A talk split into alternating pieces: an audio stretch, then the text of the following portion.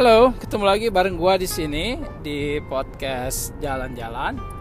Kali ini episode yang saat ini akan gua bawa, gua ngomongin soal uh, fotografi yang menyangkut mengenai kamera. Terus dia punya pernak-perniknya kayak lensa, filter dan lain-lain sebagainya. Oke, uh, kita mulai aja langsung awalnya waktu itu sedikit history gue mulai dari uh, kamera SLR ya. Waktu baru gue mulainya itu jadi uh, kamera yang pakai roll film itu loh. Hmm. pada waktu itu gue belum terlalu suka motret cuman uh, pengen nyoba aja jadi gue beli kamera itu yang SLR itu uh, mereknya Minolta ya kalau nggak salah. Uh, terus gue dapat dua lens kit lens. Nah dari situlah gue mulai motret. Kadang-kadang gue dipanggil teman untuk motret wedding. Ya motret secara free lah ya, karena temen ya. Mereka wedding eh tolong dong fotoin gue gitu gue beliin filmnya apa segala macam oke okay, no problem gue bilang. Gua, jadi ya karena temen ya gue pikir ah why not? Kenapa uh, nggak apa namanya nggak dikerjain aja? Karena kan sekalian belajar gitu belajar motret ya. Gitu untuk ada beberapa wedding tuh gue yang fotoin gitu. Cuman ya cuman ya belum terlalu tahu gue cara motret yang bener waktu itu ya gimana. Jadi gue semua ya pakai sistem otomatis aja. Taruh otomatis setting gitu tinggal jebret jebret jebret jebret gitu ya. Cuman ya dengan cara ininya juga gue belum terlalu tahu sih waktu itu ya yang ada istilahnya uh, uh, apa sih yang um, uh, dia punya kalau kita motret tuh dia fokusnya di mana gitu terus bagusnya taruhnya di mana dia punya apa di frame-nya gitu ya. Jadi ya waktu itu gue ya foto aja gitu. Terus sudah dapat hasilnya terus apa dicetak gitu ya. Itu back then ya. Nah terus dari situ gua lompat ke hmm, kamera digital ya. Gua waktu itu mulai dari Olympus. Gua pakai Olympus EPL ya kalau nggak salah waktu itu. Hmm, tapi yang masih model kayak pocket gitu ya model pocket yang kecil terus juga dia punya lensanya juga yang standar gitu ya yang, attach sama dia punya bodinya gitu. Nggak bisa dicabut-cabut yang nggak bisa diganti-ganti gitu. Nah itulah kamera digital pertama yang gue pakai. Uh, terus dari situ itulah gue suka trip-trip waktu itu itulah kamera yang gue bawa.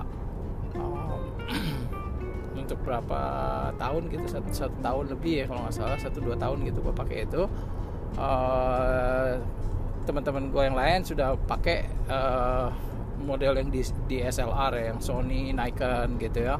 Gue wah gila kameranya canggih-canggih, oi gue bilang gitu ya. Sedangkan gue pakai kamera kecil gini.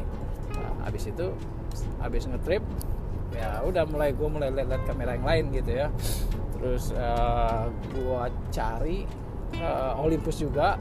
Jadi di atasnya yang gue punya waktu itu ya yang model IP apa EPL itu gua lompat ke Olympus OMD 5 ya EM 5 kalau nggak salah. Ya eh, ya OM Olympus OMD IM 5 nah, dari situlah baru gue mulai ngoprek-ngoprek cara motret dengan manual. Uh, apa namanya karena lebih tertarik sih uh, kalau dengan motret dengan cara manual ya lu bisa banyak yang dikerjain gitu. Apa dia punya speednya dia punya ISO-nya dia punya uh, amaturnya ya. Apalagi kalau kita motret-motret di objek-objek tertentu gitu ya. Nah dari situlah waktu gue sudah dapat kamera itu gue mulai belajar motret astrofotografi gitu. Motret malam ya apa Milky Way dan lain-lainnya. Nah semua info-info itu waktu itu gue belajar sendiri um, gua lihat dari YouTube terus baca-baca juga blog gitu yang orang-orang yang punya kamera yang sama bagaimana cara motret uh, long expose gitu ya long exposure ya. Gimana setting dia punya speednya dia punya ISO sama dia punya aperture gitu ya. Nah setelah gue bisa waktu itu gue masih pakai kit lens yang di OMD gue ini.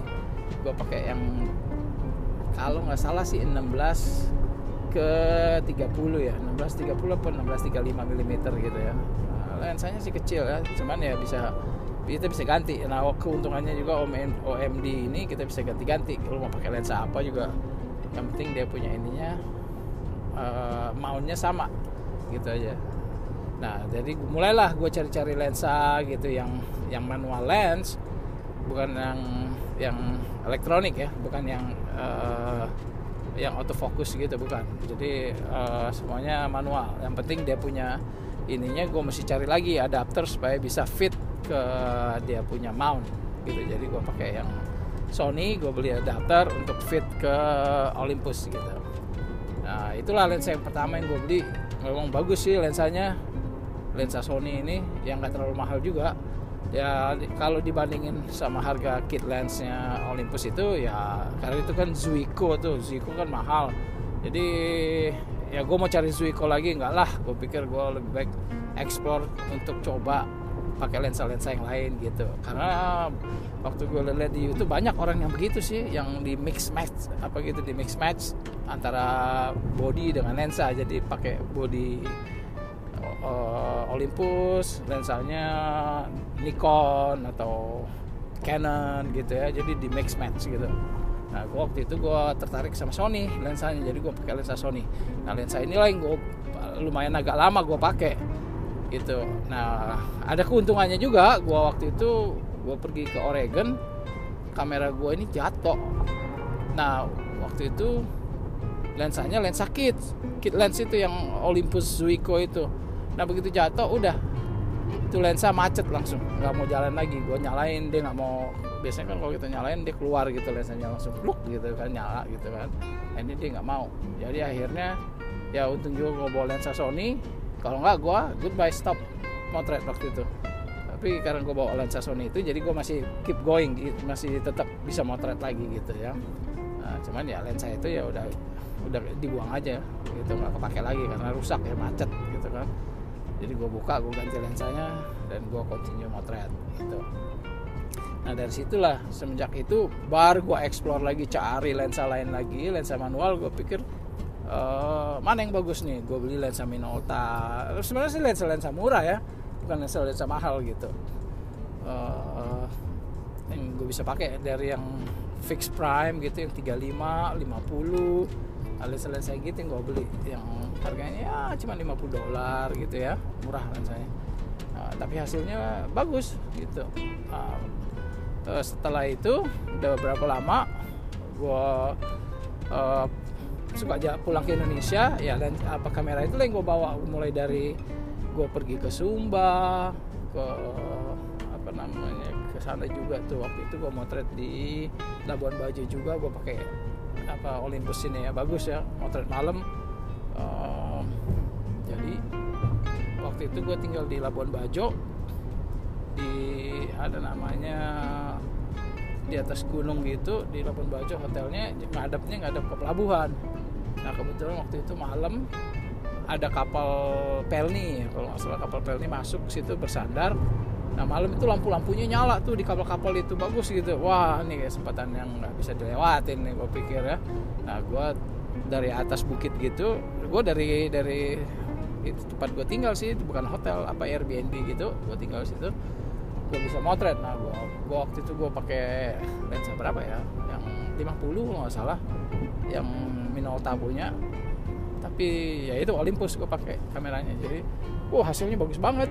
Colornya terus sama dia punya lampunya itu kan apa bling bling gitu jadi habis itu ya udah. Uh, dari situ lah gue mulai suka banget motret malam. Nah, kadang-kadang gue juga keluar malam.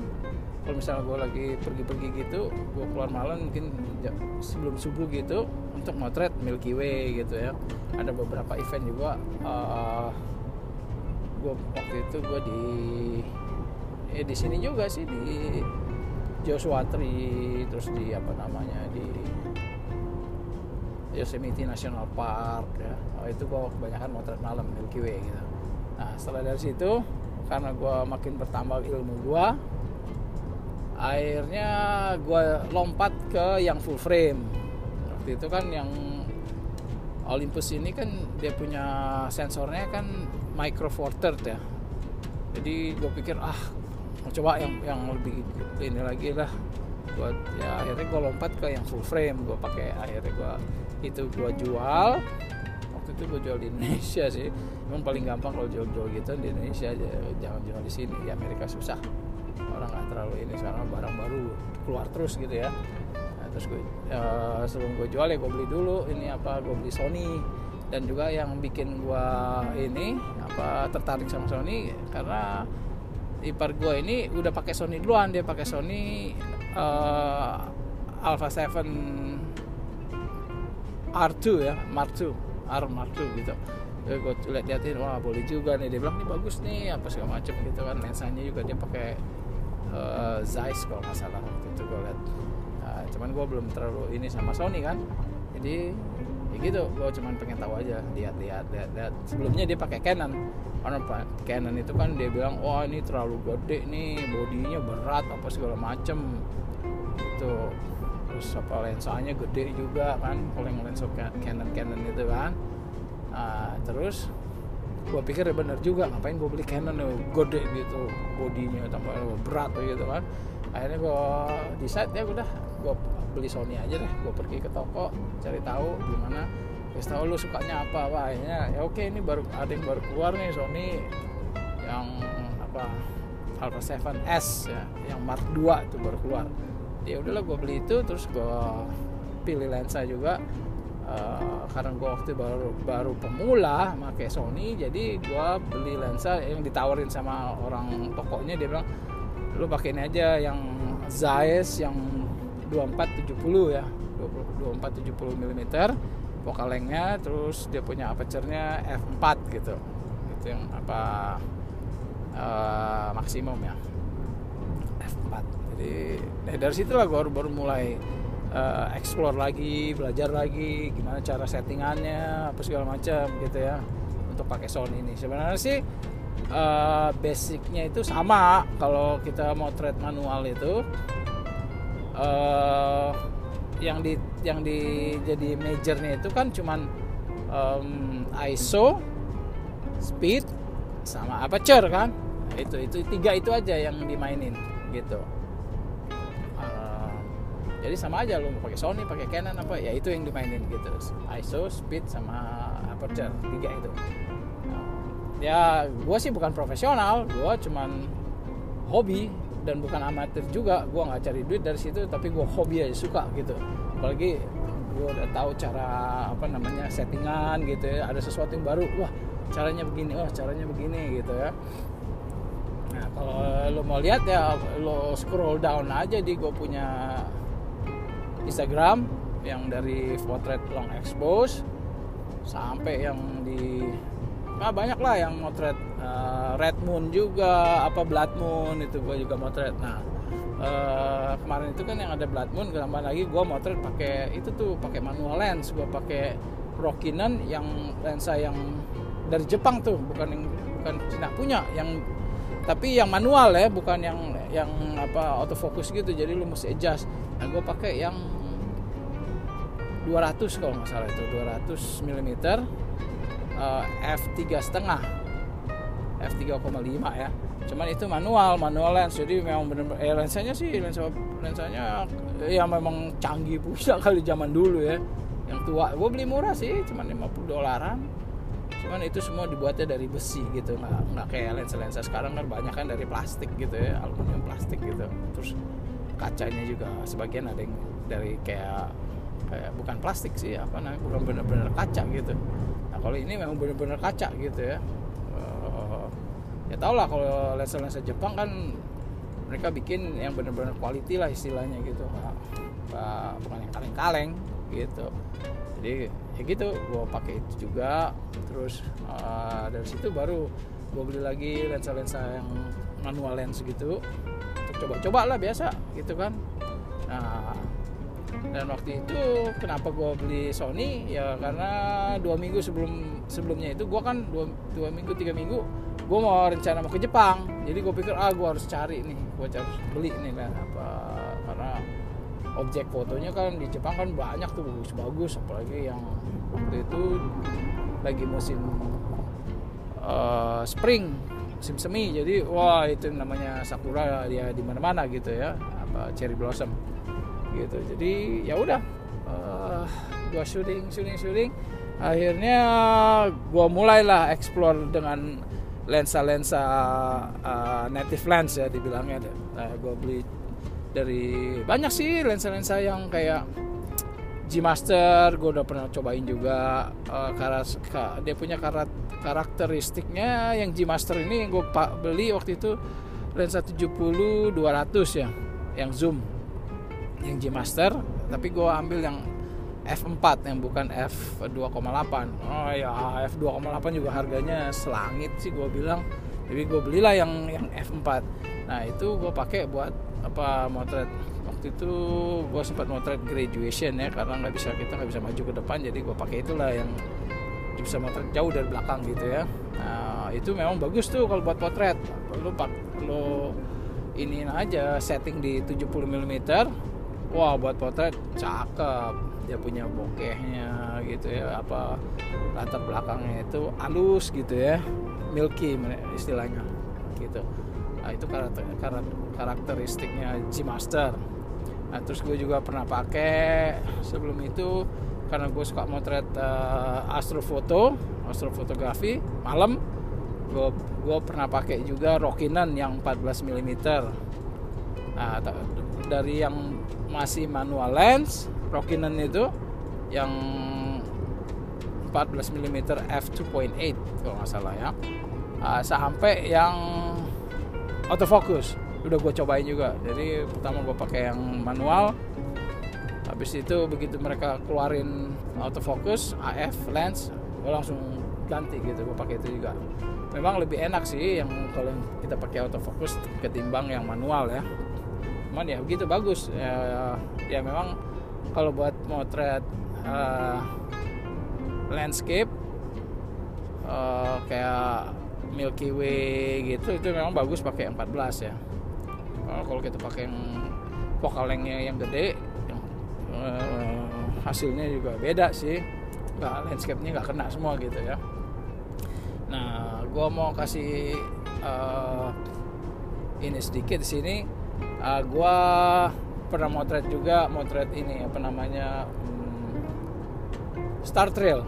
Nah gue mau kasih info gimana caranya motret Star Trail. Kalau kalian yang belum pernah motret Star Trail jadi caranya gini pertama sebelum lu motret lu harus cari di mana itu yang namanya bintang utara ya North, North Star mereka bilangnya gitu. Nah lu, lu cari aja di di apps. Kalau zaman sekarang kan udah ada appsnya tuh yang apa uh, sky map istilahnya. Nah lu searching aja North Star. Nah, nanti dikasih tunjuk tuh. Nah lu harus kalau mau motret Star Trail harus poinnya ke uh, North Star. Atau mereka bilang juga uh, uh, apa sih ada istilahnya bintang utara itu. Um, jadi gitu. Nah waktu itu gua motret yang diperlukan ya itu tripod lo harus. Karena kan long expose lo nggak bisa ini tanpa tripod. Terus yang kedua lo perluin itu timer. Apa, ya timer itu apa namanya yang buat hold dia punya shutternya itu masih pakai itu juga. Nah, terus waktu itu gua motret starter itu gua motret 45 menit kalau nggak salah ya. Nggak sampai, sampai satu jam lah. Pokoknya sekitar 45 menit gua gua pertama coba 30 kurang. Akhirnya gua naikin 30 menit gitu ya. Nah dua sistemnya bukan frame by frame. Gua nggak nggak shooting frame by frame. Karena ya sistem yang ini kan lu bisa pakai remote gitu terus lu lock aja supaya dia punya ininya terbuka terus gitu. Nah lu tinggal set aja tuh berapa menit lu mau. Nah itu selama dia 45 menit itu ya dia ngerekord terus tuh. Nah terus juga jangan lupa kalau lo mau coba belajar itu start trail nah sebelum lo motret make sure pastiin lo punya baterai kameranya itu full charge. Karena kadang-kadang setengah nggak cukup dia baru setengah jalan dia mati itu kamera dan juga dia pasti akan panas sih ya. Gitu. Nah kayak gue di sini di di di Amerika ini kan udaranya kan dingin tuh. Nah itu baterai juga cepat habis tuh kalau udara dingin. Jadi apalagi kalau motret malam kan. Jadi prinsipnya kalau malam itu kan dingin jadi baterai itu cepat habis. Nah usahain kalau motret apa baterainya itu harus full charge. Nah untuk motret uh, ya gitu motret starter ini usahakan ada objek yang lain di depannya. Seperti mungkin kalau banyak orang gue lihat di blok-blok itu ada kayak bar gitu rumah atau gunung gitu atau pohon gitu. Baru di di tengahnya itu lah baru star trailnya gitu yang apa bintangnya itu muter gitu kayak bulat kayak spider web gitu kayak apa sarang laba-laba gitu ya gitu. Nah itulah caranya motret star trail.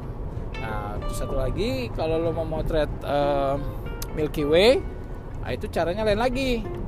Karena Milky Way itu lo nggak perlu berlama-lama gitu nggak mungkin nggak perlu pakai remote apa segala macam nggak perlu. Lo set di lo punya kamera aja.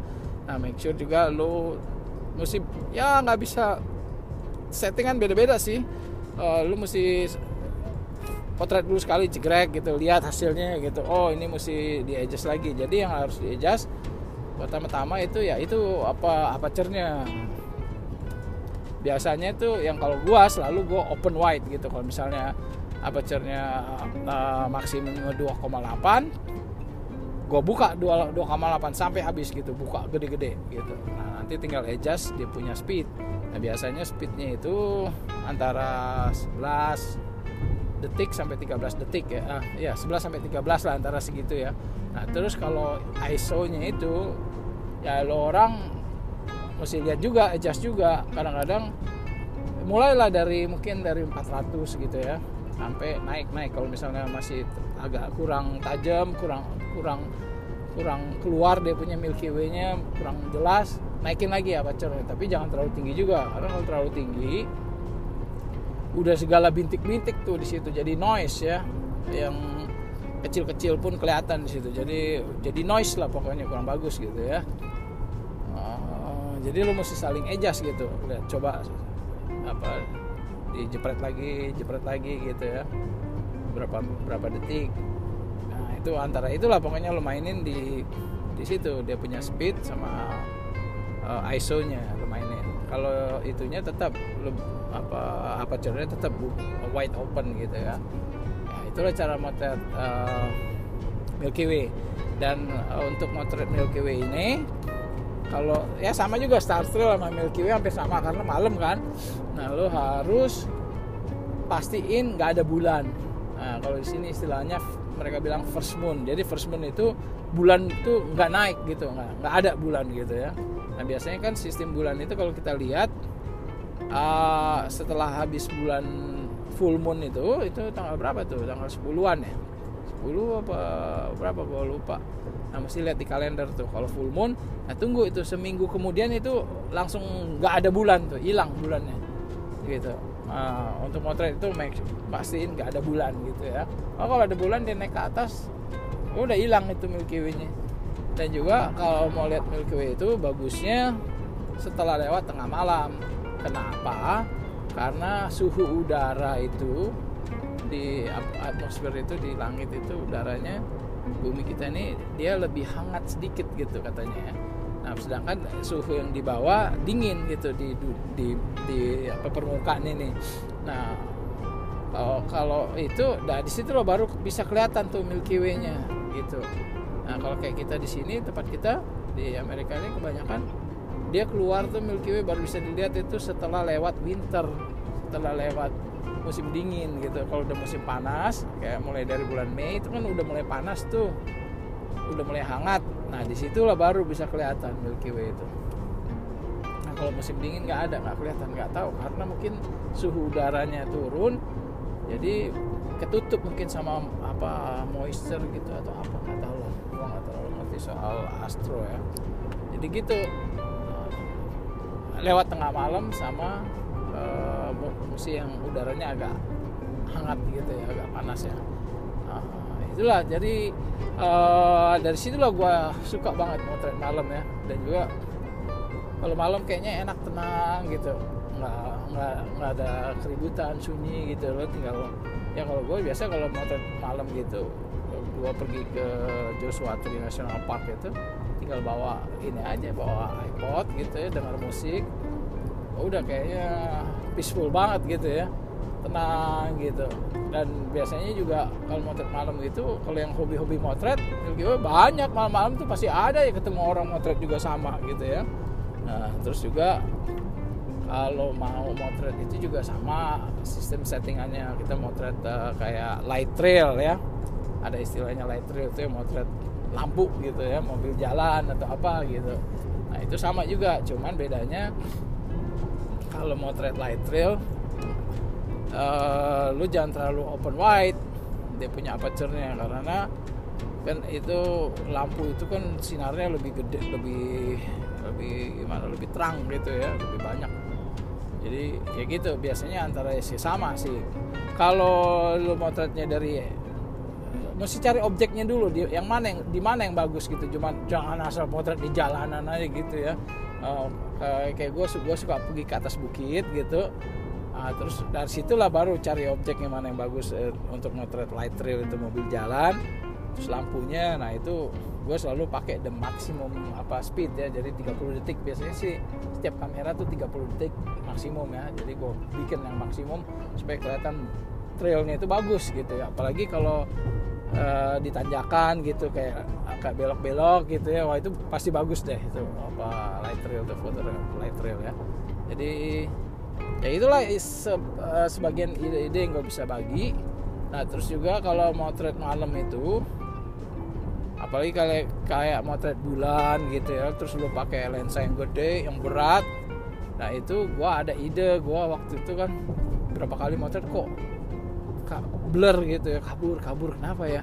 Nah find out rupanya kan kalau kita motret misalnya 30 sek uh, nggak bisa juga sih kalau motret itu jangan sampai 30 second kelamaan motret bulan jadi dia blur blur banget karena bulan itu kan jalan dia. Nah itu yang bikin jadi itu. Jadi lo mesti coba-coba mungkin 10 second cukup gitu ya jangan sampai 30 second kelamaan gitu atau 6 second boleh juga gitu. Pokoknya di antara itulah. Nah tapi kalau lo mau lebih sure misalnya lo bikin set uh, 10 second gitu ya. Nah sebelum lo pencet itu shutter buttonnya itu lo tutup dulu lensanya itu dengan kertas yang mungkin warna hitam gitu kertas gitu kayak karton atau apa yang, yang gelap. Nah itu tutup tapi jangan nempel ke lensanya. Karena kalau lo nempel lo begitu lo bergerak nyangkut di lensa kena di lensa itu goyang. Nah itu bikin juga jadi kabur gitu ya. Nah itu triknya karena kenapa? Waktu lo pencet gitu pencet shutter buttonnya itu itu kan lo pencet lo lepasin gitu kan pasti goyang. Nah, padahal dia udah ngebuka tuh lensanya. Jadi sistemnya gitu lo pencet dulu pencet cek gitu on satu lu tutup kan sambil lu tutup lensanya itu pakai tangan lu yang satu pakai pegang kertas gitu karton. Lalu hitung dulu satu dua baru lo angkat tuh karton tapi make sure jangan kena di lensanya supaya dia jangan nggak goyang ya gitu. Uh, itu ternyata memang hasilnya lebih bagus lebih tajam karena detik pertama kedua itu kan biasanya waktu kita mencet itu kan goyang itu kamera goyang. Nah itulah yang yang apa namanya ngeri nge, ngetrikinnya itu begitu. Jadi waktu lensa goyang itu apakah kamera goyang lensanya masih ketutup tuh dengan kertas kita tapi sebenarnya udah terbuka. Nah begitu kita angkat itu kertasnya dia langsung masuk semua tuh cahayanya kan ke dalam uh, lensa itu. Jadi lebih bagus. Dan memang gue udah praktekin itu itu salah satu triknya gitu ya. Jadi ya gitu. Uh,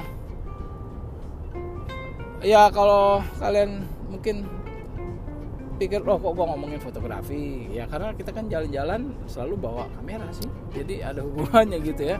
Dan kalau lihat-lihat juga di gue punya Instagram sekali lagi ya semua foto-foto itu ya begitulah caranya gue motret gitu ya. Uh, dan juga tergantung objeknya sih kayak misalnya kalau gue motret yang uh, orang gitu potret ya gue pakai lensa 85 tuh lensa Sony yang 85 f1.8 nah terus yang terakhir sekarang yang lately ini paling terakhir ini uh, waktu kemarin gue sempat pakai Sigma yang art lens yang 16 18 ke 35 nah gue pakai cukup lama juga itu ya untuk gue bawa ke Indonesia juga potret di Indonesia terus gue motret di sini juga gitu ya. Nah karena waktu itu gue coba untuk bikin video bikin film gitu ya ternyata itu lensa itu bukan full frame dan gue cari tahu cari tahu memang nggak full frame sedangkan kamera gue memang kamera full frame. Tapi dia uh, begitu kita pasang itu langsung ngejas tuh uh, bodinya langsung adjust ke APS-C dia punya sensornya itu adjust gitu. Jadi ngecrop dia bukan full. Dan dan nah itulah ke kekurangannya sih salah satu dari kalau buat foto buat still picture bagus. Apa art lens emang wow udah the best deh gue banding bandingin dia walaupun pakai bandingin sama Zeiss itu dekat banget gitu ya kebagusannya gitu. Cuman ya kalau Zeiss kan harganya nggak nggak ketulungan lah istilahnya mahal gitu kan uh, native lens. Jadi ya gitu. Uh, lama gue pakai itu. Gue pakai ke Montana motret temen gue gitu kan. Jadi model apa gitu bagus. Terus gue coba juga pakai di dia karena dia memang temen gue nih hobi motret juga dia bawa Canon. Jadi gue coba pakai di Canonnya dia juga. Masuk tuh gue punya Sigma itu. Nah, cuman ya itu Sigmanya waktu itu baru keluar. Eh, bukan baru keluar sih yang yang apa e-mount belum ada. Jadi gue harus beli adapter untuk pakai Sigma itu. Gue harus beli adapter MC11 sampai masuk ke gue punya Sony. Gitu. Nah setelah itu gue pikir ah udahlah gue cari lensa lain lagi lah. Akhirnya uh, waktu itu gue cuma pakai dua ya itu Sigma sama yang 85 itu Sony 85 bukan Zeiss loh Sony uh, f1.8 85 mm. Nah, untuk kompa apa per, perbandingannya untuk uh, portrait ini Sony 85 ini harganya terjangkau sih kalau gue bilang. Nah, dia punya hasil sama deket banget sama uh, G Master yang 85 juga.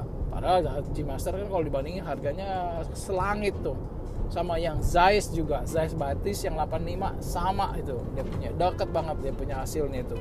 Tajamnya bokehnya gitu ya. Uh, ya istilahnya ini lensa ini lensa apa ya dibilangnya yang 85 yang Sony punya ini. Yang bukan tapi bukan bat bukan size gitu. Apa dibilangnya ya affordable lens lah gitu ya tapi kualitinya bagus gitu nah gue coba itu bagus memang sih. Gue udah udah alamin sendiri gitu. Nah terakhir ya udah gue lepasin yang Sony ini gue lepasin yang 85 karena gue udah jarang motret uh, bikin potret gitu motret orang.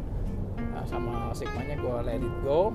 Gue beli lagi uh, Zeiss Batis yang 18 nah gue pakai yang 18 ini karena dia kan wide angle. Nah itu bagus tuh buat apa landscape karena gue banyak potret landscape juga nah terus sekarang kan gue sudah mulai bikin-bikin film gitu short film video gitu ya. Nah, lo bisa lihat di Instagram gue kebanyakan sekarang gue udah mulai bikin film gitu bikin video. Nah untuk pakai yang apa batis 18 ini perubahannya bagus loh untuk apa uh, kalau lo syutingnya 120 frame ya. Nah dan dan juga dia kalau lo pakai yang 120 frame itu dia jadi ya untuk inilah sinematik gitu ya bagus dibandingin sama yang lain-lain gitu karena karena kenapa kalau lu eh, settingannya lu rubah itu lu bikin sinematik itu itu jadi lebih lebih lebih dekat gitu ya dibandingin sama kalau lu pakai semuanya lensa-lensa yang lain. Nah, gua sekarang ada dua, gua pakai juga Sony yang 50 mm 1.8. Nah, cuman buat bikin film itu aja sama ya ini Zeiss Batis, tapi gua banding-bandingin uh, ya ada perbedaan ya. Kalau yang 1.8 sama Sony Batis yang gua pakai yang 2.8 uh, untuk untuk jarak dekatnya itu beda loh. Dia punya bokehnya itu beda gitu. Yang kalau untuk uh, bokehnya bagus pakai itu Sony ini yang 50 fix prime gitu ya. Yang Sony 50 ini sih harganya terjangkau banget gitu ya. Tapi memang ya gitulah. Kejelekannya yang Sony apa gua nggak rekomend sih sebenarnya. Cuman gua waktu itu belum tahu. Jadi gua pikir oh boleh dicobain nih gitu ya. Eh, apa dia punya lensanya ini lain. Dia dia fix tapi dia punya ininya uh, focal lengthnya itu fix ya maksud gue 50 stay gitu. Cuman dia punya bodinya itu di dalamnya itu dia keluar masuk keluar masuk di lensa. Jadi kalau kita kalau dia nyari fokus itu dia keluar masuk keluar masuk itu lensanya gitu. Apa kayak ngejas gitu ya. Jadi annoying banget gitu. Ini kok begini modelnya gitu keluar masuk keluar masuk gitu kan. Terus noise juga suaranya ngit, gitu. Ya ampun dia nyari fokus gitu kan untuk autofokusnya nah, itulah yang kekurangannya yang gue nggak suka daripada Sony uh, 50 mm ini.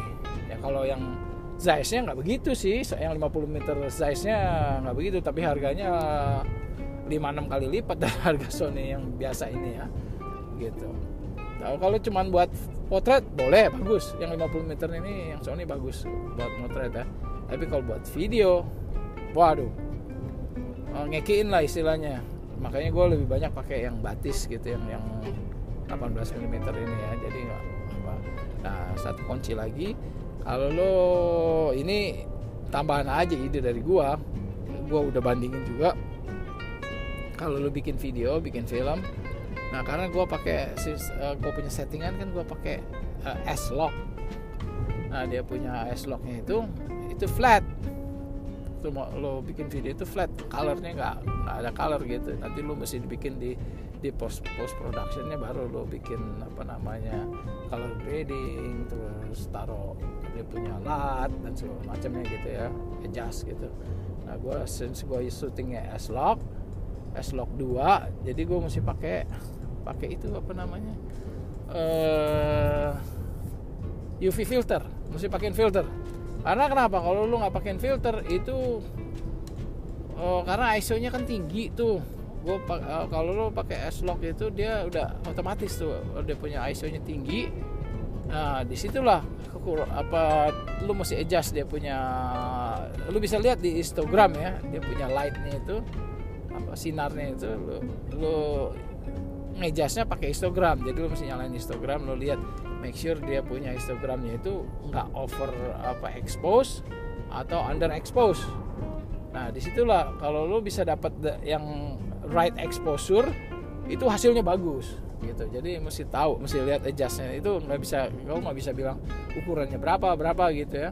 Nah kalau lo pakai S-Log 2 ada gue pernah ikutin ide dari YouTube ada dikasih tahu lo mesti bikin plus 2 plus 2 lu mesti lihat di Instagramnya itu kalau waktu di Instagram terus nanti lu lihat di situ di bawah itu nomornya uh, naik kan dari satu dua gitu. Nah nanti sampai dia blink lalu stop katanya di situ. Nah di situlah caranya lu nge ngeset itu uh, filter itu. Gitu. Itu untuk supaya lu dapetin right exposure gitu. Uh, terus apa lagi ya?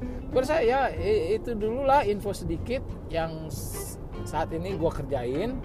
Nah kalau lo mau lihat hasil hasilnya video gue yang gue bikin dengan sistem yang gue pakai sekarang dengan lensa yang gue pakai lihat aja di Instagram gue uh, nanti deskripsinya gue kasih tahu Instagram gue di mana. Bisa lo lihat. Uh, kalau lo ada pertanyaan apa apa ya lo DM gue aja di Instagram ya. Karena ada beberapa juga yang minta bikinin apa film gitu ya gue masih belum belum terlalu lancar sih karena masih ya. Dan gue sekarang gue untuk softwarenya gue pakai uh, uh, Final Cut ya gue pakai Final, Final Cut Pro gitu. Iya jadi gue gitu aja dah. Sekian dulu uh, info dari gue podcast podcast gue ini. Sampai ketemu lagi di episode yang berikut oke? okay?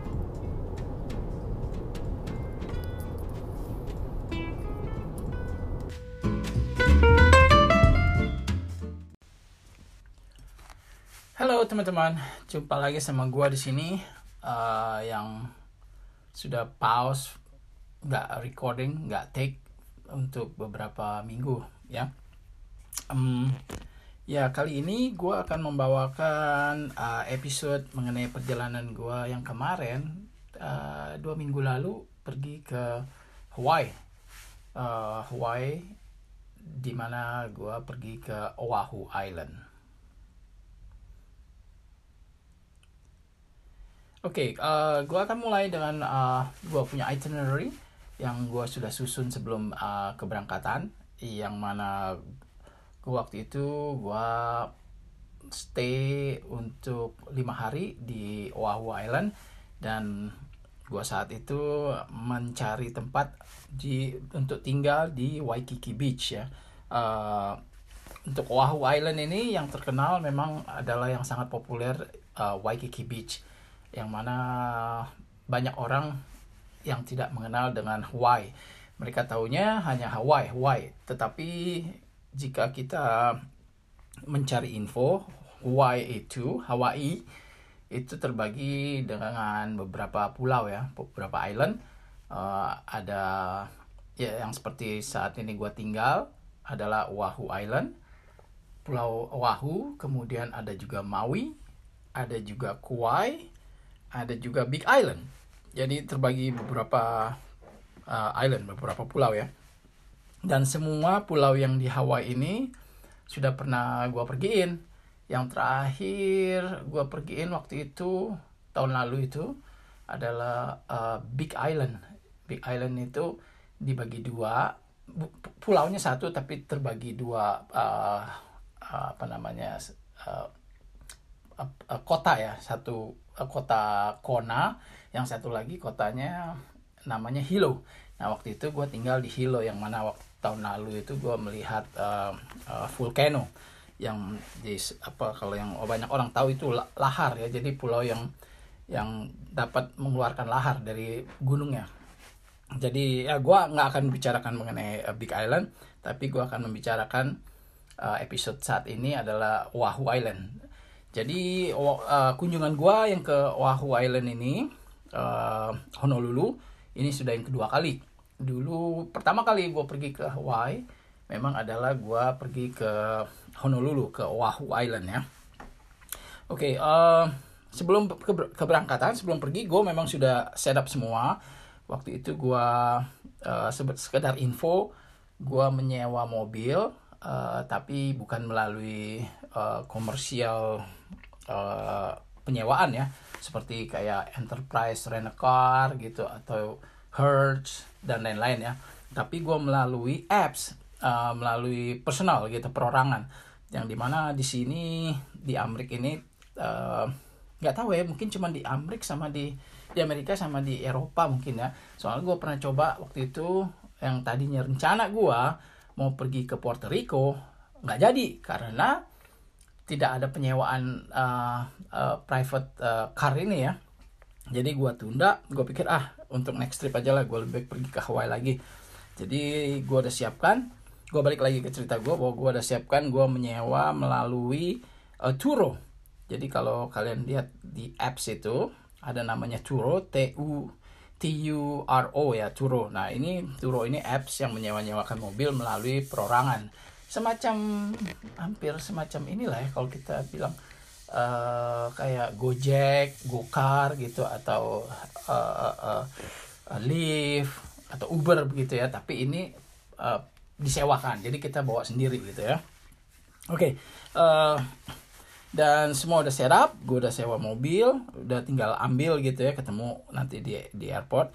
Jadi uh, gua perjalanan gua ini dari hari Sabtu berangkat sampai uh, hari Kamis ya. Gue pulang hari Kamis. Jadi gue waktu berangkat gue menggunakan uh, Sun Country Airlines. Ya kalau di Indonesia itu semacam apa ya Lion Air mungkin ya yang apa budget uh, air budget uh, airlines gitu ya yang yang low fare. Uh, ya hampir sama sih. Di sini ada juga uh, airlines yang yang budget begitu yang cuman base price dia punya fare-nya jadi kalau lo mau dapat uh, posisi tempat duduk lo yang enak mau dapat makan mau dapat ekstra apa uh, bagasi atau apa lo mesti beli. Itu sendiri. Jadi lo dia mereka cuma jual harga tiket. Tok that's it. Jadi lu nggak ada apa-apa. Lu mau bawa kabin juga bawa tas kabin itu yang kecil masukin di kabin itu lu harus bayar. Jadi gitu. Uh, jadi ya gitulah. Uh, Sun Country gue rasa sih is not bad ya. Dia punya airlines ya. Dan uh, gue juga ada setup gue sewa uh, Airbnb sewa semacam apartemen gitu di Waikiki Beach ya. Uh, lumayan nggak terlalu mahal juga. Gitu. Jadi hari pertama gue berangkat dari LA pagi-pagi jam 9 gitu take off ke direct flight ya ke Honolulu. Gue tiba di Honolulu sekitar jam jam satu siang lah gitu nah waktu tiba di Honolulu itu gue kontak gue punya uh, Turo. Uh, dia jemput gue di airport. Terus uh, gue drop dia di tempat tinggalnya terus gue bawa mobilnya gitu. Jadi setelah sampai di Honolulu ya begitu. Um, untuk hari pertama begitu sampai gue belum bikin apa apa ya. Ini masih hari Sabtu. Hari Sabtu ini ya weekend rame kan di apalagi di Honolulu di uh, Waikiki ini rame sekali jadi gue setelah drop uh, owner mobil ini gue pergi ke gue punya uh, Airbnb di Waikiki. Gue check in uh, terus ya habis check in drop barang. Gue belum bikin apa apa karena udah sore juga jadi cuman uh, kita cuman apa memang sesuai dengan itinerary gue nongkrong di Waikiki Beach. Di Waikiki Beach itu bagus untuk sunset ya. Uh, dan memang ramai sekali Nah, Waikiki Beach sih memang terkenal kalau untuk uh, Honolulu ya di Oahu Island. Jadi sore itu ya kita cuman lihat sunset, terus kemudian uh, kita jalan-jalan di Waikiki, di dia punya apa namanya di board shore-nya itu. Jadi memang, nah jadi gua akan terangin sedikit di sini di Waikiki ini banyak sekali pertokoan. Jadi kalau kalau gua bisa kategorikan apa kategori kategorikan ini seperti kalau waktu gua di LA itu kayak rodeo drive lah gitu ya. Kayak di di Hollywood sana gitu daerah Hollywood yang mana banyak apa butik-butik mahal toko-toko mahal gitu ya. Kayak ah Neiman Marcus apa Nordstrom semua pokoknya pertokoan di situ. Uh, kayak semacam internasional gitulah ya. Uh, apa butik-butik yang mahal-mahal lah kayak Chanel, Gucci, apalagi Louis Vuitton gitu. Wah itu mereka ada butik-butiknya sendiri. Memang memang uh, people shopping di situ sih ya banyak karena itu banyak di apa Honolulu ini kan Oahu ini banyak pendatang-pendatang dari turis-turis dari mancanegara. Jadi ya gitu mereka sediakan yang begitu-begituan yang barang-barang wah gitulah istilahnya ya. Excuse me. Oke sudah malam akhirnya ya kita cuman ya seperti tadi kita jalan-jalan terus kita cari makan. Uh, malam itu kita coba makan di McDonald. Eh, McDonald di Oahu ini agak beda sedikit dengan uh, McDonald di seperti di mainland kita ya. Di mainland itu maksudnya kayak kita di LA jadi mereka bilang di Amerika ini mereka bilang mainland karena uh, apa beda ya kalau mereka kepulauan. Kalau kita kan tinggal di mainland gitu di uh, 52 state ini ya 50 state gitu uh, 50 negara bagian. Jadi perbedaan antara mainland punya McDonald sama di uh, Hawaii McDonaldnya mereka sediakan dia jualan nasi. Jadi memang McDonald seperti kayak wah kayak di Indo nih pakai makan nasi gitu ya. Ada nasinya. Memang orang Hawaii ini mereka makan uh, kayaknya dia punya main entry food itu nasi gitu ya. Gue terangin lagi sedikit sini karena Hawaii ini kan uh, mereka orang-orang dari Poly Polynesian ya. Orang-orang dari Polynesian gitu kayak uh, hampir mirip-mirip kayak orang Asia lah gitu ya. Mereka makan nasi makan ubi bukan ubi apa sih tales ya gitu. Bukan kayak orang putih beda. Walaupun mereka uh, masuk menjadi bagian orang Amerika gitu ya. Uh, jadi ya begitulah agak beda sedikit uh, surprise juga kita, wih McDonald ada nasinya gitu. Kalau di padahal kalau kita di LA nggak ada tuh makan McDonald pakai nasi. Mereka apa including di foodnya itu di ordernya itu ada nasi gitu ya. Oke, gua lanjut lagi kebesokannya nih hari Minggu ya. Karena gua tiba kan hari Sabtu. Nah hari Minggu memang sesuai dengan uh, schedule jadwal bahwa kita nih gue sama teman-teman gue ini akan hiking ke uh, ada yang namanya Stairway to Heaven. Ya kalau kalian mau tahu uh, apa itu Stairway to Heaven Google aja. Stairway to Heaven uh, Oahu Hawaii. Nah itu nanti akan dikasih tahu gitu ya.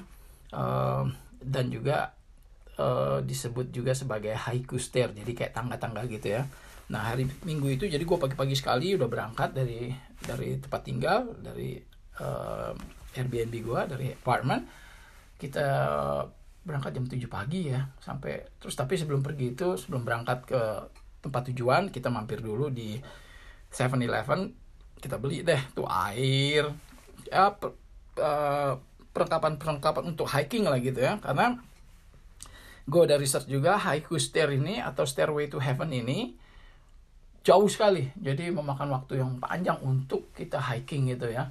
Sampai ke ke ke topnya itu ke atasnya itu uh, di stairway to heaven. Nah dan juga di sini ada dua cara ada dua jalan untuk menuju ke stairway to heaven ini. Uh, satu mereka bilang ada yang istilahnya mereka bilang melalui legal way. Jadi kita melalui jalan yang legal atau kita bisa shortcut melalui uh, ilegal jadi apa yang yang dilarang gitu ya. Tapi kita nggak mau ambil resiko karena yang melalui jalan yang singkat ini yang dilarang ini mungkin cuma makan waktu tiga jam ya. Untuk dari bawah sampai ke ke ke puncaknya itu ke top uh, apa namanya hillnya itu apa gunungnya itu ya. Jadi karena juga kalau kita melalui ilegal itu yang dilarang itu kita akan di di fine akan di apa namanya dikasih uh, denda gitu bayar yang uh, macam-macam sih uh, bervariasi. Ada yang bilang 5000 dolar ada yang bilang 3000 ada yang bilang 1000 dolar. Jadi bervariasi uh, beritanya itu. Tetapi yang pasti kalau kita melalui jalan yang uh, dilarang ini uh, di situ memang pertama dijaga oleh uh, security kedua juga memang kadang-kadang polisi sudah tahu polisi itu selalu patroli di situ. Jadi mereka memang mencari orang-orang yang yang yang gelap ah, bukan gelap mencari orang-orang yang yang mau uh, hiking ke ke stairway to heaven ini uh, mereka akan tangkap. Mereka akan apa namanya mereka akan denda. Nah setelah itu bukan soal dendanya aja tetapi mereka akan uh, menschedulekan uh, untuk pergi ke pengadilan jadi mereka nggak langsung kasih apa fine gitu. Kasih tiket di fine oke lo bayar. Nggak. Jadi mereka akan uh, set appointment untuk kembali lagi ke Hawaii untuk pergi ke court ke pengadilan. Nah ini yang jadi masalah. Makanya orang-orang nggak mau ngambil resiko karena end up-nya nanti wah gue harus balik lagi ke Hawaii. Mesti setup waktu lagi mesti apa. Jadi gitu ya ribet ya. Um, tapi kalau yang nekat banyak. Yang nekat sih banyak. Ada beberapa ya mereka akan biasanya mereka sarankan untuk pergi itu subuh subuh pagi-pagi sekali jam 4 pagi subuh naik gitu. Jadi uh, sneak gitu apa coba mengendap-endap gitu lihat-lihat kalau nggak ada polisi langsung lari naik ke atas gitu langsung apa lompat pagar apa gitu ya. Gitu. Tapi gue nggak mau ambil risiko akhirnya. Dan memang banyak sih gue melalui uh, jalan yang satu lagi option kedua ini yang melalui uh, legal ya. Tapi memakan waktu yang lama dan jauh. Uh, kita harus melalui apa namanya valley apa namanya lembah-lembah gitu. Dan itu memakan waktu sekitar paling cepat itu yang gue dengar orang bilang sih round trip itu bisa 7 jam. Paling cepat 7 jam round apa pulang pergi gitu ya. Dan berangkat pagi-pagi karena belum panas kan. Nah jadi gue pergilah. Uh, gue uh, pergi melalui uh, ada nama nama tempatnya itu Moana Lua Middle Ridge Trail. Gitu. Jadi melalui itu dan kita harus parkir mobil kita di ada ada seperti uh, tempat residensial gitu parkir. Dan memang waktu itu pagi itu jam gue dari rumah jam 7 sampai di sana sekitar ya hampir jam 8 ya 7.45 7.30 gitu ya. Tapi sudah ramai orang yang akan naik ke atas tuh melalui apa legal way ini ya. Hmm, gitu. Jadi ya. Udahlah kita sampai sana uh, siap-siap siapin minum siapin makanan. Nah waktu kita di 7-Eleven itu kita ada beli juga uh, yaitu uh, nasi ya nasi yang dibungkus pakai apa seaweed yang dibungkus dengan apa seaweed itu. Kalau kita bilang di sini seaweed uh, uh, yang ditaruh apa namanya semacam cornet gitu ya. Nah di sini memang rupanya makanan-makanan ini dibilangnya itu dibilangnya wusubi ya nah satu lagi gua uh, uh, terangin sedikit sini sebelum kita naik ke atas uh, hiking. Usubi ini rupanya datangnya rupanya dari orang Jepang karena dulu kan di zaman dulu rupanya Jepang ini banyak sekali yang tinggal di Hawaii. Ya zaman waktu masih ya, peperangan dulu lah ya antara Amerika dengan Jepang. Jadi waktu perang dulu banyak sekali tuh orang-orang Jepang akhirnya tinggal di uh, Hawaii gitu. Nah mereka lah yang membawa makanan-makanan ini yang membuat semacam apa yang dibilang usubi itu ya apa ya kalau kita ke Jepang usubi kan di mana-mana itu. Di 7-Eleven di toko-toko gitu banyak. Nah di sama dengan di Hawaii juga usubi itu ada di mana-mana. Jadi itulah bekal yang kita bawa untuk hiking. Usubi sama air ya. Gitu. Uh, akhirnya oke okay, kita start hiking. Uh, trailnya memang agak susah karena harus uh, curam terus sama dia punya trail itu sempit. Jadi kiri kanan tuh jurang batu-batu gitu ya. Uh, terus uh, harus melalui ini juga. Kita harus apa harus pakai rope pakai tali gitu. Mereka memang udah sedia sediakan itu. Mungkin dulu yang yang membuka jejak ini mereka siapin oh ini harus bikin ini harus bikin ini. Jadi pendahulunya itu sudah membuat uh, trailnya itu mereka siapkan tali-tali juga. Jadi memang serem juga sih untuk naik ke atas itu dan memakan kita waktu sekitar berapa ya? Sampai ke atas itu sekitar 6 jam kalau nggak salah. Sampai di atas sekali sampai sampai di tempat di high stairnya itu. Karena ya itu kita harus stop stop terus harus apa makan dulu minum terus jam, lanjut lagi gitu ya. Ya dan juga karena kita berangkat udah agak uh, nggak nggak nggak siang-siang sekali sih tapi ya udah lumayan udah udah mulai panas Nah kebanyakan juga ada orang yang berangkat dari subuh karena gue pernah ketemu waktu lagi perjalanan hiking ke atas itu ketemu ada anak-anak dari Filipina orang-orang Filipina gitu. Uh, mereka sudah perjalanan turun gue bilang eh kalian berangkat jam berapa? Kok udah udah turun nih. Oh kita berangkat jam 3 pagi. Wah tiba tiba jam 3 iya padahal. Nah kalau gue hitung-hitung mereka jam 3 pas ketemu kita di setengah jalan itu itu memakan waktu buat mereka sekitar 7 jam ya pulang pergi. Jadi naik ke atas uh, mungkin ya istirahat di atas foto-foto atau apa lihat-lihat gitu habis itu turun. Dan bagus juga sih good idea karena nggak panas ya. Nah kita naik waktu itu sudah mulai jam 10 jam 11 itu wah matahari udah mulai keluar udah mulai panas. Tapi keuntungan juga kita sudah makin di di ketinggian ya gitu sudah di atas udah di nggak sampai di puncaknya. Halo teman-teman, jumpa lagi sama gua di sini uh, yang sudah pause, nggak recording, nggak take untuk beberapa minggu ya. Um, ya kali ini gua akan membawakan uh, episode mengenai perjalanan gua yang kemarin uh, dua minggu lalu pergi ke Hawaii, uh, Hawaii, di mana gua pergi ke Oahu Island Oke, okay, uh, gue akan mulai dengan uh, gue punya itinerary yang gue sudah susun sebelum uh, keberangkatan, yang mana gue waktu itu gue stay untuk lima hari di Oahu Island. Dan gue saat itu mencari tempat di untuk tinggal di Waikiki Beach ya. Uh, untuk Oahu Island ini yang terkenal memang adalah yang sangat populer uh, Waikiki Beach yang mana banyak orang yang tidak mengenal dengan Hawaii.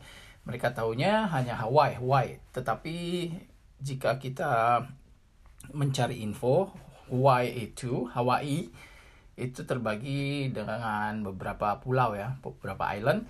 Uh, ada ya yang seperti saat ini gue tinggal adalah Oahu Island, Pulau Oahu, kemudian ada juga Maui, ada juga Kauai, ada juga Big Island.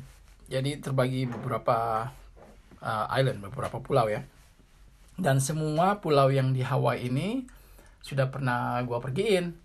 yang terakhir gue pergiin waktu itu tahun lalu itu adalah uh, Big Island Big Island itu dibagi dua pulaunya satu tapi terbagi dua uh, uh, apa namanya uh, uh, kota ya satu uh, kota Kona. Yang satu lagi kotanya namanya Hilo.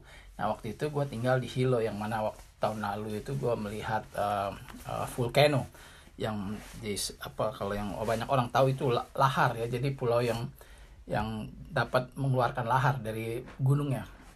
Jadi ya gue nggak akan bicarakan mengenai uh, Big Island tapi gue akan membicarakan uh, episode saat ini adalah Oahu Island jadi uh, kunjungan gue yang ke Oahu Island ini uh, Honolulu ini sudah yang kedua kali.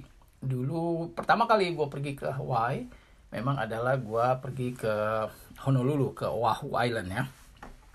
Oke okay, uh, eh, sebelum keberangkatan sebelum pergi gue memang sudah setup semua. Waktu itu gue uh, sekedar info gue menyewa mobil uh, tapi bukan melalui uh, komersial uh, penyewaan ya. Seperti kayak enterprise rent a car gitu atau Hertz dan lain-lain ya. Tapi gue melalui apps uh, melalui personal gitu perorangan. Yang di mana di sini di Amerika ini uh, nggak uh, tahu ya mungkin cuma di Amerika sama di di Amerika sama di Eropa mungkin ya. Soalnya gue pernah coba waktu itu yang tadinya rencana gue mau pergi ke Puerto Rico nggak jadi. Karena tidak ada penyewaan uh, uh, private uh, car ini ya. Jadi gue tunda gue pikir ah untuk next trip aja lah gue lebih baik pergi ke Hawaii lagi. Jadi gue udah siapkan gue balik lagi ke cerita gue bahwa gue udah siapkan gue menyewa melalui uh, Turo. Jadi kalau kalian lihat di apps itu ada namanya Turo T U T U R O ya Turo. Nah ini Turo ini apps yang menyewa-nyewakan mobil melalui perorangan semacam hampir semacam inilah ya kalau kita bilang uh, kayak Gojek, Gokar gitu atau uh, uh, uh, Lyft atau Uber begitu ya. Tapi ini uh, disewakan, jadi kita bawa sendiri gitu ya. Oke, okay, uh, dan semua udah setup, gue udah sewa mobil, udah tinggal ambil gitu ya, ketemu nanti di di airport. Jadi uh, gua perjalanan gua ini dari hari Sabtu berangkat sampai uh, hari Kamis ya. Gue pulang hari Kamis. Jadi gue waktu berangkat gue menggunakan uh, Sun Country Airlines. Ya kalau di Indonesia itu semacam apa ya Lion Air mungkin ya yang apa budget uh, air budget uh, airlines gitu ya yang yang low fare.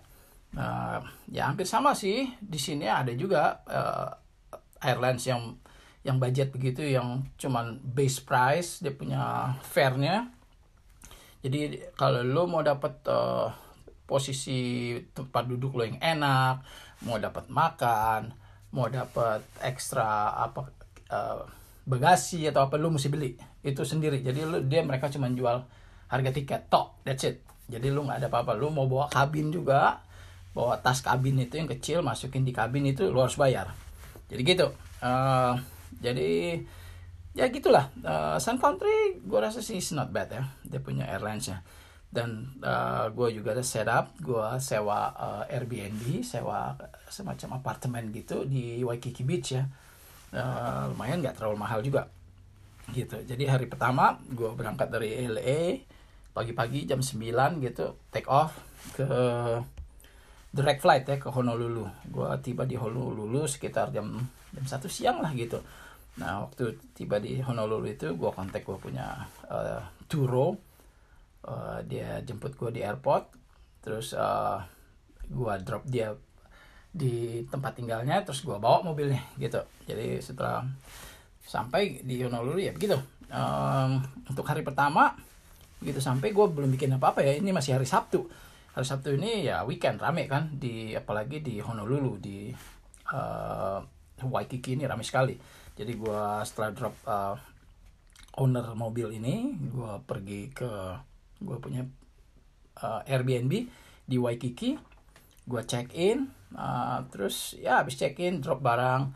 Gue belum bikin apa apa karena udah sore juga. Jadi cuman uh, kita cuman apa memang sesuai dengan itinerary gua nongkrong di Waikiki Beach. Di Waikiki Beach itu bagus untuk sunset ya.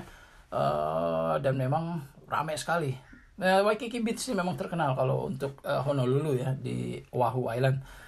Jadi sore itu ya kita cuman lihat sunset terus kemudian uh, kita jalan-jalan di Waikiki di dia punya apa namanya di board shore-nya itu. Jadi memang nah jadi gua akan terangin sedikit di sini di Waikiki ini. Banyak sekali pertokoan jadi kalau kalau gue bisa kategorikan apa kategori kategorikan ini seperti kalau waktu gue di LA itu kayak rodeo drive lah gitu ya. Kayak di di Hollywood sana gitu daerah Hollywood yang mana banyak apa butik-butik mahal toko-toko mahal gitu ya. Kayak ah Neiman Marcus apa Nordstrom semua pokoknya pertokoan di situ. Uh, kayak semacam internasional gitulah ya. Uh, apa butik-butik yang mahal-mahal lah kayak Chanel, Gucci, apalagi Louis Vuitton gitu. Wah itu mereka ada butik-butiknya sendiri. Memang memang uh, people shopping di situ sih ya banyak karena itu banyak di apa Honolulu ini kan Oahu ini banyak pendatang-pendatang dari turis-turis dari mancanegara. Jadi ya gitu mereka sediakan yang begitu-begituan yang barang-barang wah gitulah istilahnya ya excuse me oke sudah malam akhirnya ya kita cuman ya seperti tadi kita jalan-jalan terus kita cari makan. Uh, malam itu kita coba makan di McDonald. Eh, McDonald di Oahu ini agak beda sedikit dengan uh, McDonald di seperti di mainland kita ya. Di mainland itu maksudnya kayak kita di LA jadi mereka bilang di Amerika ini mereka bilang mainland karena uh, apa beda ya kalau mereka kepulauan. Kalau kita kan tinggal di mainland gitu di uh, 52 state ini ya 50 state gitu. Uh, 50 negara bagian. Jadi perbedaan antara mainland punya McDonald sama di uh, Hawaii McDonaldnya mereka sediakan dia jualan nasi. Jadi memang McDonald seperti kayak wah kayak di Indo nih pakai makan nasi gitu ya. Ada nasinya. Memang orang Hawaii ini mereka makan uh, kayaknya dia punya main entry food itu nasi gitu ya. Gue terangin lagi sedikit sini karena Hawaii ini kan uh, mereka orang-orang dari Poly Polynesian ya. Orang-orang dari Polynesian gitu kayak uh, hampir mirip-mirip kayak orang Asia lah gitu ya. Mereka makan nasi makan ubi bukan ubi apa sih talas ya gitu. Bukan kayak orang putih beda. Walaupun mereka uh, masuk menjadi bagian orang Amerika gitu ya. Uh, jadi ya begitulah agak beda sedikit. Uh, surprise juga kita wih McDonald ada nasinya gitu. Kalau di padahal kalau kita di LA nggak ada tuh makan McDonald pakai nasi. Mereka apa including di foodnya itu di ordernya itu ada nasi gitu ya. Oke gue lanjut lagi kebesokannya nih hari Minggu ya. Karena gue tiba kan hari Sabtu. Nah hari Minggu memang sesuai dengan uh, schedule jadwal bahwa kita nih gue sama teman-teman gue ini akan hiking ke uh, ada yang namanya Stairway to Heaven. Ya kalau kalian mau tahu uh, apa itu Stairway to Heaven Google aja. Stairway to Heaven uh, Oahu Hawaii. Nah itu nanti akan dikasih tahu gitu ya. Uh, dan juga uh, disebut juga sebagai haiku stair jadi kayak tangga-tangga gitu ya nah hari minggu itu jadi gue pagi-pagi sekali udah berangkat dari dari tempat tinggal dari uh, Airbnb gue dari apartemen kita berangkat jam 7 pagi ya sampai terus tapi sebelum pergi itu sebelum berangkat ke tempat tujuan kita mampir dulu di 7-Eleven kita beli deh tuh air ya per, uh, perlengkapan-perlengkapan untuk hiking lah gitu ya. Karena gue udah research juga haiku stair ini atau stairway to heaven ini jauh sekali. Jadi memakan waktu yang panjang untuk kita hiking gitu ya. Sampai ke ke ke topnya itu ke atasnya itu uh, di stairway to heaven. Nah dan juga di sini ada dua cara ada dua jalan untuk menuju ke stairway to heaven ini. Uh, satu mereka bilang ada yang istilahnya mereka bilang melalui legal way. Jadi kita melalui jalan yang legal atau kita bisa shortcut melalui uh, ilegal jadi apa yang yang dilarang gitu ya. Tapi kita nggak mau ambil resiko karena yang melalui jalan yang singkat ini yang dilarang ini mungkin cuma makan waktu tiga jam ya untuk dari bawah sampai ke ke ke puncaknya itu ke top uh, apa namanya hillnya itu apa gunungnya itu ya. Jadi karena juga kalau kita melalui ilegal itu yang dilarang itu kita akan di di fine akan di apa namanya dikasih uh, denda gitu bayar yang uh, macam-macam sih uh, bervariasi. Ada yang bilang 5000 dolar ada yang bilang 3000 ada yang bilang 1000 dolar. Jadi bervariasi uh, beritanya itu. Tetapi yang pasti kalau kita melalui jalan yang uh, dilarang ini uh, di situ memang pertama dijaga oleh uh, security, kedua juga memang kadang-kadang polisi sudah tahu, polisi itu selalu patroli di situ. Jadi mereka memang mencari orang-orang yang yang yang gelap, uh, bukan gelap, mencari orang-orang yang yang mau uh, hiking ke ke Stairway to Heaven ini. Uh, mereka akan tangkap, mereka akan apa namanya, mereka akan denda. Nah setelah itu bukan soal dendanya aja, tetapi mereka akan uh, menschedulekan uh, untuk pergi ke pengadilan. Jadi mereka nggak langsung kasih apa fine gitu, kasih tiket, di fine, oke lu bayar nggak. Jadi mereka akan uh, set appointment untuk kembali lagi ke Hawaii untuk pergi ke court ke pengadilan. Nah ini yang jadi masalah. Makanya orang-orang nggak mau ngambil resiko karena end up-nya nanti wah gue harus balik lagi ke Hawaii mesti set up waktu lagi mesti apa jadi gitu ya ribet ya um, tapi kalau yang nekat banyak, yang nekat sih banyak ada beberapa ya. Mereka akan biasanya mereka sarankan untuk pergi itu subuh-subuh. Pagi-pagi sekali jam 4 pagi subuh naik gitu. Jadi uh, sneak gitu apa coba mengendap-endap gitu lihat-lihat kalau nggak ada polisi langsung lari naik ke atas gitu. Langsung nyep, apa lompat pagar apa gitu ya. Gitu. Tapi gue nggak mau ambil risiko. Akhirnya dan memang banyak sih gue melalui uh, jalan yang satu lagi. Option kedua ini yang melalui uh, legal ya. Tapi memakan waktu yang lama dan jauh. Uh, kita harus melalui apa namanya valley apa namanya lembah-lembah gitu. Dan itu memakan waktu sekitar paling cepat itu yang gue dengar orang bilang sih round trip itu bisa 7 jam. Paling cepat 7 jam round apa pulang pergi gitu ya. Dan berangkat pagi-pagi karena belum panas kan. Nah jadi gue pergilah. Uh, gue uh, pergi melalui uh, ada nama nama tempatnya itu Moana Lua Middle Ridge Trail. Gitu. Jadi melalui itu dan kita harus parkir mobil kita di ada ada seperti uh, tempat residensial gitu parkir. Dan memang waktu itu pagi itu jam gue dari rumah jam 7 sampai di sana sekitar ya hampir jam 8 ya 7.45 7.30 gitu ya. Tapi sudah ramai orang yang akan naik ke atas tuh melalui apa legal way ini ya.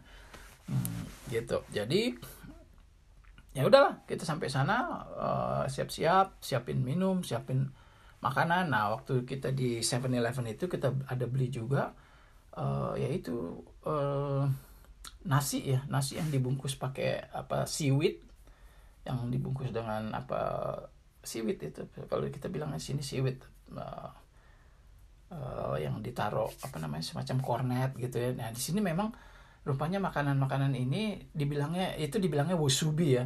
Nah satu lagi gua uh, uh, terangin sedikit sini sebelum kita naik ke atas uh, hiking. Wasubi ini rupanya datangnya rupanya dari orang Jepang karena dulu kan di zaman dulu rupanya Jepang ini banyak sekali yang tinggal di Hawaii ya zaman waktu masih ya, peperangan dulu lah ya antara Amerika dengan Jepang jadi waktu perang dulu banyak sekali tuh orang-orang Jepang akhirnya tinggal di uh, Hawaii gitu. Nah mereka lah yang membawa makan-makanan ini yang membuat semacam apa yang dibilang wusubi itu ya apa ya kalau kita ke Jepang wusubi kan di mana-mana itu.